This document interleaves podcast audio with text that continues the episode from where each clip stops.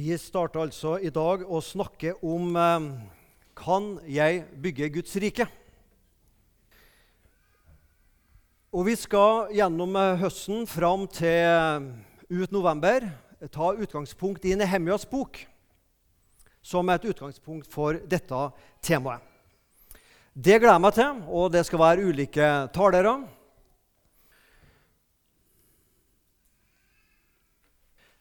Jeg fant meg ei bok som heter 'Nehemja Guds bygningsmann'. Og Jeg skal ikke si jeg anbefaler henne, fordi jeg har ikke lest henne ennå. Men jeg skal lese henne i løpet av denne høsten. Men jeg tror jeg kan si jeg anbefaler henne før jeg har lest henne, for den er skrevet av eh, tidligere bibelskolerektor på Fjellheim, eh, Kjell Dalne, som har vært forkynner i mange år i NLM.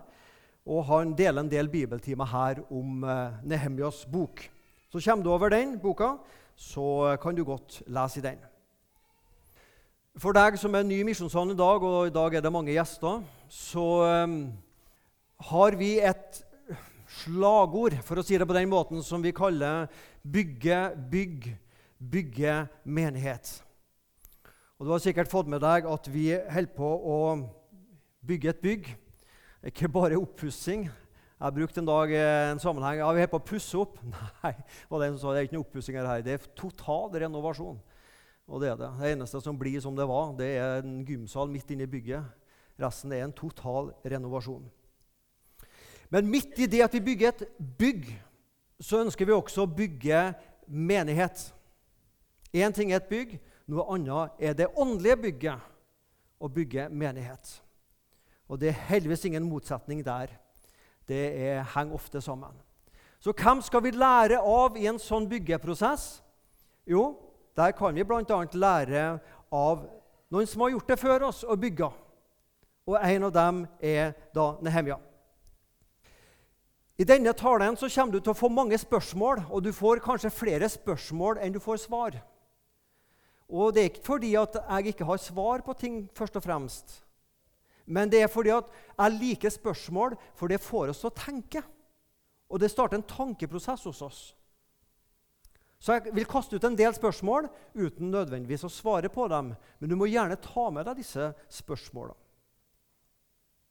Først en liten historisk ramme rundt dette med Nehemja, så at vi har plassert han liksom i det bibelske bildet. Vi finner han og Esra i Det gamle testamentet. Israelsfolket har blitt delt i to, Nordriket og Sørriket. Nordriket blir i 722 før Kristus selvfølgelig da, tatt av asyrerne og forsvinner som folk.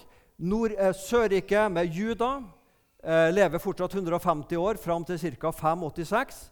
Så kommer Nebukaneser, Babylon, tar dem, fører dem som fanger til Babylon. Der blir de i ca. 70 år. Og i ca. år 520 før Kristus så drar de første ca. 50 000 jødene tilbake til Jerusalem og Judea. Og Så begynner det jo da å komme rykter tilbake til Babylon hvordan situasjonen er i Jerusalem og Judea. Så Noen år senere, rundt 450 før Kristus, så reiser Nehemja og Esra til Jerusalem. To forskjellige puljer. Nehemja han er en embetsmann. Han er munnskjenk ved kongens hoff. En prøvekanin på godt norsk. Han smaka på kongens vin. Så hvis noen ville forgifte kongen, så sjekka Nehemja først om han levde etter å ha drukket. Og hvis han ikke hadde levd etter å ha drukket det der, så visste kongen da skal ikke jeg drikke det der. Så det var en litt utsatt jobb. da, kan du si. Han var munnskjenk. Mens Esra var en prest. Så her møter vi en embetsmann, praktikeren, teoretikeren, og så møter du presten som tar seg av det åndelige. Og jeg har tenkt på det. Det er så flott at det er både plass til Esra og Nehemja i Bibelen. Esra, presten, det åndelige, liksom. Ja. Men også Nehemja, som tar seg av det praktiske byggeprosessen. Noe så tørt som byggesteiner og sement og mørtel og sånne ting. Det har plass i Bibelen. Begge delene. Esra bygga menighet. Nehemja bygga bygg. Bygge menighet, bygge bygg. Vi skal lese første kapittel sammen i Nehemia. Det var i måneden Kislev i det 20. året, mens jeg var i borgen Susa. Da kom Hanani, en av brødrene mine, og noen menn fra Juda. Jeg spurte dem ut om judeerne som hadde sluppet unna fangenskapet, og som var da i Jerusalem. Hvordan har de det, liksom? De svarte de som har sluppet unna fangenskapet der i provinsen, er i stor ulykke og vanære. Muren rundt Jerusalem er brutt ned, portene er brent opp. Og da jeg hørte dette, satte jeg meg ned og gråt, og jeg sørget i flere dager. Jeg fastet og ba til himmelens Gud, og jeg sa:" Å Herre, himmelens Gud, du store og skremmende Gud, du som holder pakten og viser kjærlighet mot alle som elsker deg og holder dine bud. La ditt øre lytte og øynene dine være åpne, så du hører dine tjeners bønn, og jeg ber deg nå, både dag og natt, for israelittene, dine tjenere. Jeg bekjenner syndene som vi, har, vi israelittene har gjort mot deg. Også jeg og mitt fars farshus har syndet. Vi har handlet ille mot deg og ikke holdt budene, forskriftene og lovene som du ga din tjener, Moses. Husk det du påla din tjener Moses. Hvis dere er troløse, så vil jeg spre dere blant folkene. Men hvis dere vender om til meg og holder budene mine og lever etter dem, om dere så er drevet bort til himmelens grenser, skal jeg samle dere derfra og bringe dere til det stedet som jeg har valgt til bolig for mitt navn, altså tempelet i Jerusalem. De er tjenere dine og folket ditt, som du har fridd ut ved din store kraft og sterke hånd. Og Herre, la ditt øre, la øret ditt lytte til bønnene fra tjeneren din og tjenerne dine, de som gjerne vil frykte ditt navn. La tjeneren din lykkes i dag. La ham finne barmhjertighet hos denne mannen. Og denne mannen er kong Arta Serkses i Perserriket. Nehemjas bok. Nehemja får høre hvor dårlig det står til i Jerusalem. Han blir realitetsorientert. Det står verre til enn jeg hadde frykta. Tingenes tilstand er så dårlig at han sørger, og han ber til Gud og han bekjenner egne og folkets synder. Og så ber, um, I kapittel 2 så ber Nehemja kong Arta Serkses om å få dra til Jerusalem. Uh, nå skal ikke jeg ta hele den historien, men det er en interessant ting der som plutselig jeg så. Han hadde hjertesorg, han var lei seg, eh, munnskjenken. Og det ser kongen. Så spør han du, jeg ser at du har hjertesorg. Du er jo en glad mann til vanlig. Du ser trist ut. Hva er det for noe med deg? Kongen sa til meg, 'Hva ønsker du?' Jeg ba til himmelens Gud. Så sa jeg til kongen, og så kommer ønsket. Det interessante er han står foran kongen. Kongen spør ham et spørsmål, og så står det 'Da ba jeg til Herren Gud', og så sa jeg mitt ønske. Kan du se for deg at Nehemja står der, og så spør kongen hva er det du ønsker, Nehemja? Og så sier Nehemja eh, gi meg ti minutter, jeg må bare gå på naborommet her og så be i ti minutter. Så skal jeg komme tilbake og komme med mitt ønske. Nei. Poenget er mens han snakker med kongen, så ber han også til Gud. Det er en toveis kommunikasjon samtidig. Og vi er som enkeltpersoner av og til i den situasjonen at det kan være litt krevende. Vi snakker med noen som kanskje er vanskelig, og så er det en toveiskommunikasjon. Samtidig som du snakker med en annen, så snakker du med Gud. Og det gjorde Nehemia der han sto foran kong Artaserkses. En samtale med Gud samtidig som han snakker med kongen.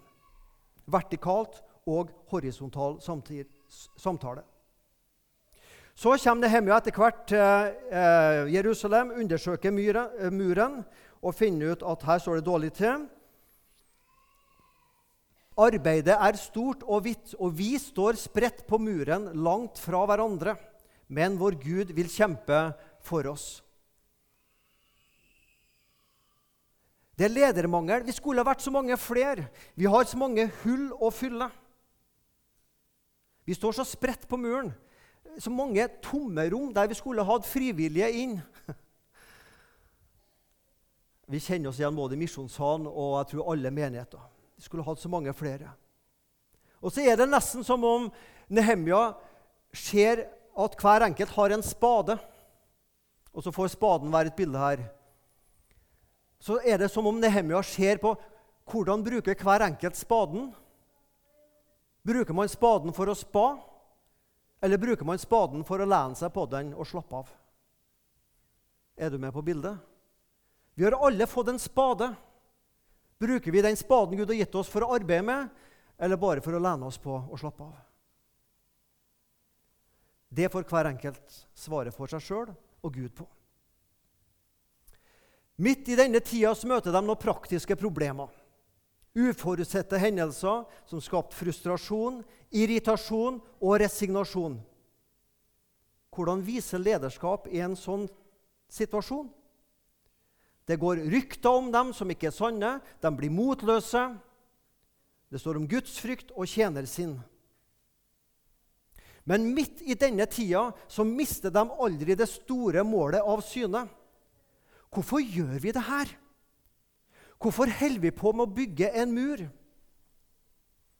Hvordan få murstein og sement til å skape fellesskapsfølelse, glede og drømmer om en bedre framtid? Nehemja klarte det. Men så tørt som sement og bygningssteiner så skapte han fellesskapsfølelse, glede håp og tro på en bedre framtid for jødefolket, for menigheten. Alle ble satt til tjeneste. Og midt i det praktiske arbeidet så slutta de ikke å samles om Bibel og bønn. Esra, Presten Esra leser opp fra Moseloven i mange timer og etter folkets ønske. Det var folket som kom og ba ham kan du være så snill å lese opp fra Moselov i mange timer for oss. Det er en drømmesituasjon for en predikant. vet du. Slipp å nøde folk til å komme og høre på seg, men kan du være så snill predikant og lese Guds ord? Ikke i ti minutter, men i timevis. Det står i Bibelen. Folket tilber, bøyer seg for Gud. Folket gråter når de hører lovens ord. Og de blir oppfordra til å glede seg, holde fest og dele med de fattige. Gleden i Herren er deres styrke. Dette flotte uttrykket står i Nehemia. Gleden i Herren er deres styrke. Jeg skal ikke bruke mer tid på å dra oss gjennom Nehemias-boka som sådan, men jeg skal komme til noen poeng her. Hvorfor tar vi denne boka fram på et søndagsmøte, eller på flere søndagsmøter ca. 2500 år etter Nehemia levde? Hva kan vi lære? Vi som Nehemia vi bygger noe stort og viktig. Og Da er ikke bare bygge på Jærveien, jeg men jeg tenker på menighet. og bygge menighet. Vi bygger noe for framtida. Og vi har lyst til å lære av noen som har gjort det her før oss i større skala.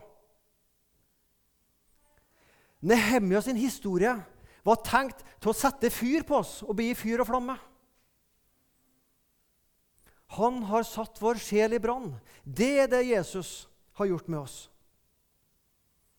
Og Hvis du legger merke til utover høsten og til våren at ordet brann og fyre opp alt det her kommer igjen, så er jo ikke det tilfeldig når man skal inn i en tidligere brannstasjon. Der de før slukka branner, skal vi nå tenne branner. Folk skal bli tent for brannen med Jesus og Guds rike. Noe større og nå lengre ut, folkens. Kan vi bygge Guds rike? Kan jeg bygge Guds rike? Ja, vi kan. Ja, du kan. Vi som Nehemia holder på å bygge noe stort og viktig. Vi som Nehemia kommer til å møte utfordringer, bekymringer, uforutsette hendelser på veien til å ferdigstille Guds hus. Hva kan vi lære av han og andre ledere? Om praktiske problemer som oppstår frustrasjon, irritasjon, resignasjon blant medlemmene. Hvordan vise lederskap, og hvordan være et fellesskap i slike situasjoner når vi opplever at vi er litt sandpapir for hverandre. For det kan vi oppleve. At du syns iallfall den andre er sandpapir. Og så er jeg kanskje det sjøl også. Vi som Nehemia vil være totalt avhengig av Guds nåde i denne byggeprosessen, både med Sandnesporten, men også å bygge Misjonshallen videre. Vi er avhengig av Guds nåde. Kan jeg bygge Guds rike? Det enkle svaret er nei. Og heldigvis. Ja, hva mener jeg med det? Jo, fordi Jesus sa til Peter på 'Jeg vil bygge', sa Jesus. 'Jeg vil bygge min kirke'. Og det er jo sagt til trøst. Misjon er ikke vår sak, misjon er Guds sak. Å bygge kirke er ikke vår sak, det er Jesus' sak. Men han vil ha med oss på det laget og bygge sin kirke her på jord. Ved Guds nåde kan vi, du og jeg, gjøre storverk. Hva vil du skal være igjen etter deg etter livet? Nå vet jeg de, forhåpentligvis meg også, og mange her som yngre enn meg, har forhåpentligvis mange tiår igjen av livet. Men det spørsmålet trenger du alltid å stille. Hva vil du skal være igjen etter deg etter livet? En stor bankkonto? Ja, kjekt for etterkommerne. Jeg håper far min har en stor bankkonto. Men er det det du skal, som er det viktigste at det blir igjen etter deg? En svær, fin bil, hytte, hus osv. Veloppdragne barn. Ja, håper jo alt det kan være igjen. Det er jo ikke Men du skjønner poenget. Vi må alltid ha det spørsmålet hva vil jeg skal være igjen. Hva, hva vil jeg være med å bygge av noe i Guds rike? Når jeg forhåpentligvis blir 85-90 år og sitter på et gammelhjem og skal tenke tilbake på de tiåra jeg fikk, hva var jeg med og bygde i Guds rike på disse tiåra?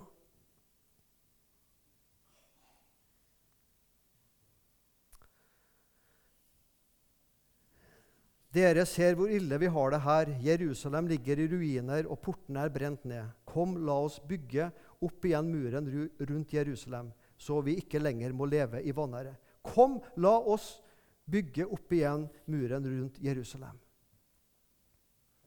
Da sa folket, 'La oss gå i gang med å bygge', og de tok fatt på det store, gode verket. Nehemja klart som en liksom, karismatisk predikant å tenne folket. Bli med på noe stort. Ikke bare lev for det lille der eller det dagliglivet som er viktig, men noe større. Er dere med? Søv dere. La oss være med å bygge noe som er stort, og som varer, og som kan nå enda flere. Nehemia hadde en evne der til å tenne folket. Hva er det som skiller Misjonssalen og Sandnes kirke og metodistene og alle oss menigheter fra en hvilken som helst bedrift her i Sandnes? Og jeg sier det på engelsk, for jeg hørte det første gang på engelsk. We are the only in the forever business in town.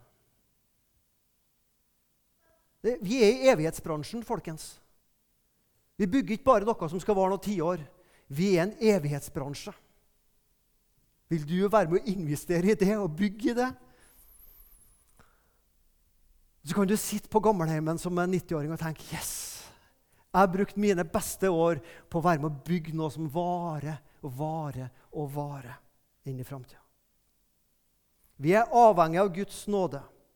Gud holdt sin gode hånd over meg, sa Nehemia flere ganger. Gud holdt sin gode hånd over meg.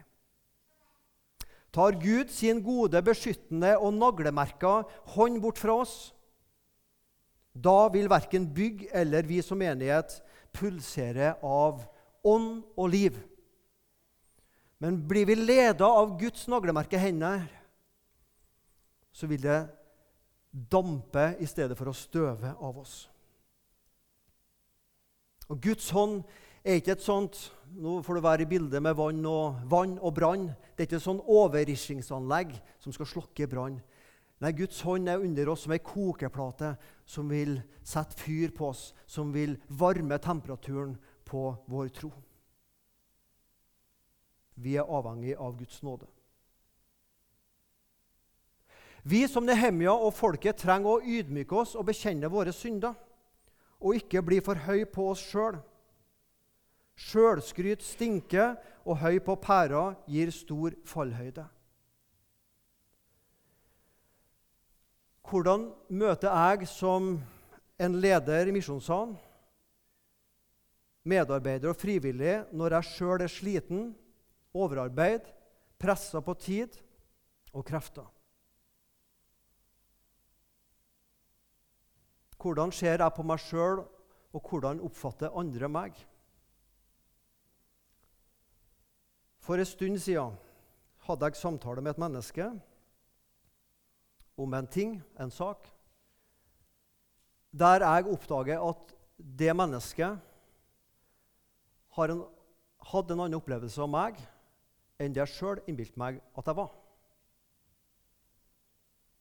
Jeg skal ikke si hva saken gjaldt, sånn. men for meg ble det en oi, øyenåpner.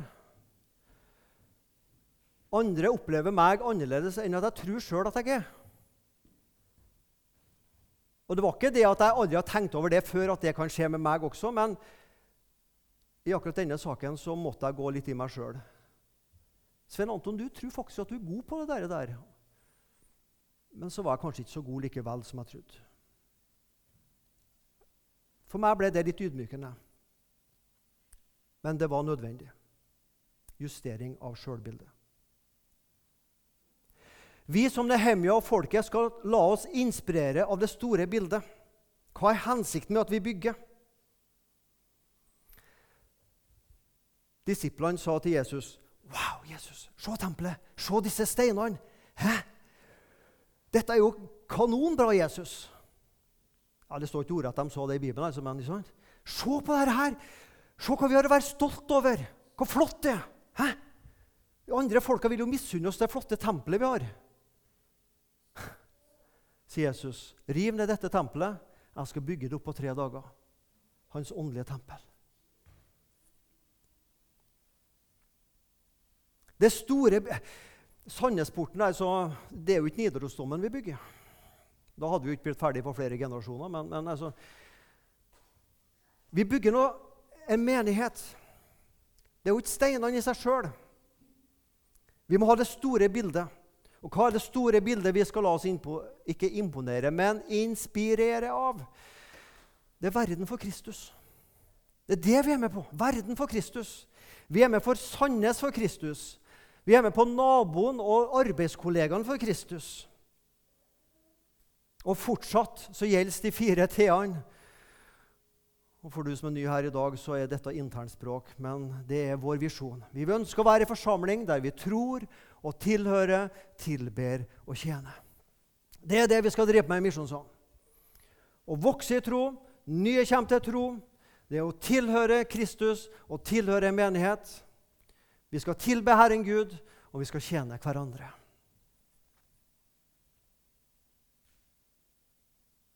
Vi som Nehemia må lære å arbeide i team, og ikke se på menighetsarbeid som et soloprosjekt for de, kun for de dyktigste menigheter. Det hender av og til at uh, i vår heim med kona og meg, så er det en av oss som sier, og da er det helt so som sier, vi skulle ha gjort, vi skulle ha fiksa. Når jeg hører ordet 'vi', så vet jeg hvem hun tenker på. Du skulle gjerne ha fiksa det praktiske der. Og da har jeg en setning som kommer igjen 99 av 100 ganger og den går følgende på trøndersk. Det går ikke. Det går ikke. Det er min standardsetning. Det går ikke. Jo da, så sier hun du, du, du kan gjøre det sånn og sånn og sånn. også. Liksom, hun er den der, der. Det er utrolig hvor langt vi kan komme med litt pågangsmot og positivitet. Mens jeg, det er utrolig hvor kort du kan komme med fire tommeltotter, litt bedagelighet og latskap. Der er jeg helst. Men så sier hun 'gjør det sånn og sånn', og så går det til slutt. Vi får det til. Jeg får det til. Vi jobber i team. Det er det minste teamet du kan ha. vet Du Du og ektefellen. Men Misjonssalen er et team, og så er det noen av oss som ikke er så gode. Det går ikke. Bekymringer nok. og Helle litt kaldt vann i blodet og liksom ja, skru ned temperaturen. Noen av oss er sånn, og andre er litt mer gode på å få litt fart på ting og få opp temperaturen. Men vi jobber i team, folkens. Menighetsarbeid er ikke ansattes arbeid eller de beste eller de mest åndelige, hvem nå det, hvem det måtte være. Men det er teamarbeid. Gud har velsigna hver enkelt av oss med våre talenter for å bruke dem i sitt rike. Vi trenger som Nehemia å lære å arbeide i team. Og vi trenger som Nehemia og folket å prioritere Guds ordet i byggeprosessen som jeg sa for noen minutter siden.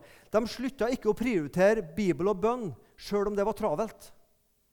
Flere timer, står det. En fjerdedel av dagen så las de Guds ord. Og en fjerdedel av dagen så ba de og tilba dem. Tre-fire timer med å høre, tre-fire timer i bønnemøte. Du verden. Og som Nehemia og folket så skal vi ikke glemme at eh, vi skal feire når bygget er ferdig. Å bygge menighet blir aldri ferdig, men et bygg kan jo bli mer eller mindre ferdig. Folkens, Nehemia kapittel 12, vers 43. Fra innvielsen av bymuren. Den dagen bar de fram store offer, og de var glade, for Gud hadde gitt dem stor glede. Ja, til og med kvinner og barna gledet seg også, og jubelropene i Jerusalem kunne høres lange, lang vei. Det var stor glede. Om noen måneder skal vi ha en kjempefest.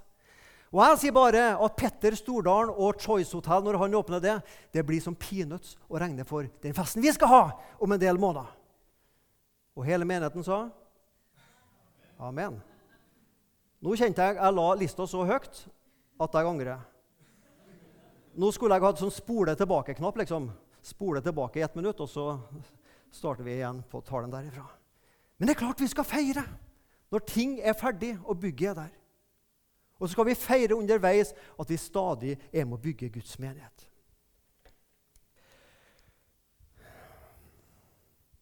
Hvordan står det til i Jerusalem? De er i stor ulykke og vanære. Muren rundt Jerusalem er brutt ned, portene er brent. Hvordan står det til i misjonssalen? Her kommer ordspillet. vet du. Og portene er demonterte. Men vi er ikke i stor ulykke og vanære. Og litt annen situasjon oss da, enn jødene den gangen der. Så skal vi sette inn annet der det en gang var noen porter for brannbilene. Hvordan er den åndelige situasjonen? Jeg skal ikke bruke tid på det i dag, for det kan det sies mye om på den ene og på den andre sida. Men det spørsmålet må vi ha med oss alltid. Hvordan er min åndelige situasjon, og hvordan er den åndelige situasjonen i vår forsamling? Og Så gjør jeg noe som sikkert mange vil synes er et sånn skikkelig sceneskifte her, og lurer på hva, hva kommer nå. Hva skal barnet hete? Og nå snakker vi ikke om fødsel og barn, som, som vi gjorde her ved dåpen. Vi spør hva heter barnet. Men hva skal barnet hete? Hva mener predikanten i dag? Vi har mange spennende prosesser gående i Misjonssalen for tida. Og nå skal du få innblikk i en veldig spennende prosess av disse mange. Styret har oppretta noe som heter ei informasjonsgruppe, som jobber med mange ting. Eh, ja, mange ting. En av de tingene vi har drøfta i denne infogruppa og i styret, er tida kommet for å skifte navn på Misjonssalen. Oh. Kjenner jeg skjelv nesten i beina. Skal vi hete Misjonssalen om seks-sju måneder, eller skal vi hete noe annet? Det drøfter vi. Nå er jeg seriøs. For jeg har sagt at er det én gang i historien vi iallfall bør vurdere om vi skal skifte navn, så er det nå. Og jeg sier ikke at vi skal skifte navn. Det kan godt hende at vi skal fortsatt hete Misjonssalen, men vi må iallfall tenke gjennom det nå om vi skal ha skifte navn. Vi heter Misjonssalen. Skal vi hete det samme i framtida? Hvem vil vi være? Hva signaliserer navnet? Hvem skal navnet kommunisere til? Liker du ordet misjonssalen på menigheten og bygget? Eh, tror du din ikke-kristne arbeidskollega forstår det navnet like godt? Eller vil like det like godt? Det er noen av spørsmålene vi stiller oss. Og vi inviterer til en til navneforslag. Ingen navnekonkurranse. Det er ikke sånn at det navnet som får flest stemmer, automatisk blir. Styret bestemmer hva det skal være. Og igjen, Det kan hende det blir Misjonssand videre, men vi skal ha en runde på det nå. Så fra nå og fram til 1. oktober så vil det på nyhetsmail og på nettside og Facebook bli mulighet til å sende inn forslag på navn. Det kuleste navnet jeg har hørt på det vi har av og til leid ut Misjonssand til noen eh, internasjonale grupper. Og Vi hadde en gruppe her for tre-fire år siden som heter Supernatural Fire Church for All Nations. Jeg syns det var et kult navn. Supernatural Fire Church for All Nations. Liksom Fire Church vet du. passer jo godt til en tidligere brannstasjon. Det blir neppe det, det skjønte du. Det var jo på spøk. Men vi vil utfordre forsamlinga til å tenke gjennom er tida nå moden for å tenke et nytt navn på Misjonssalen. Så har vi gode prosesser i styret og infogruppa på det. Men vi inviterer til høyttenking. Siste punktet mitt. Nå er jeg på oppløpssida. Hvordan står det til med Misjonssalen? Vi leser mye i Nehemjas bok om bønn og synsbekjennelse. Kan jeg bygge Guds rike? Da må jeg starte med meg sjøl. Da må jeg starte med mitt forhold til Gud. Nehemja sa da jeg hørte dette, satte jeg meg ned og gråt, og jeg sørget i flere dager. Jeg fastet, og jeg ba til himmelens Gud, og jeg bekjente egne og andres synder. Den 24. dagen i den samme måneden samlet israelittene seg til faste, kledd i sekkestrie og med jord strødd over seg. Det var ikke noe mye fint slips og festdrakt. vet du. Sekk og aske. Og de bekjente syndene for hverandre og Gud. For Nehemja og folket så gikk synsbekjennelse og tilbedelse hånd i hånd. Vi trenger å være en menighet der vi gjør opp med hverandre. Der vi trenger å rense lufta, det å snakke åpent og ærlig om livet og hverandre. Når synd er bekjent for Gud og for hverandre, så skal vi tro syndenes tilgivelse for Jesu navns skyld. Og Vi kan legge hendene på hverandre og gå sammen videre mot målet og lovprise Gud sammen. Jeg tror jeg har med deg også i ønske om at Misjonssalen skal være en menighet der vi snakker ærlig om livet vår, hvor vi bekjenner syndene våre, og hvor vi tilber Han som tilgir oss. Da kan Gud bygge en åndelig slitesterk mur som vi kan bygge videre på menighet nå og for framtida. Vil du være med videre?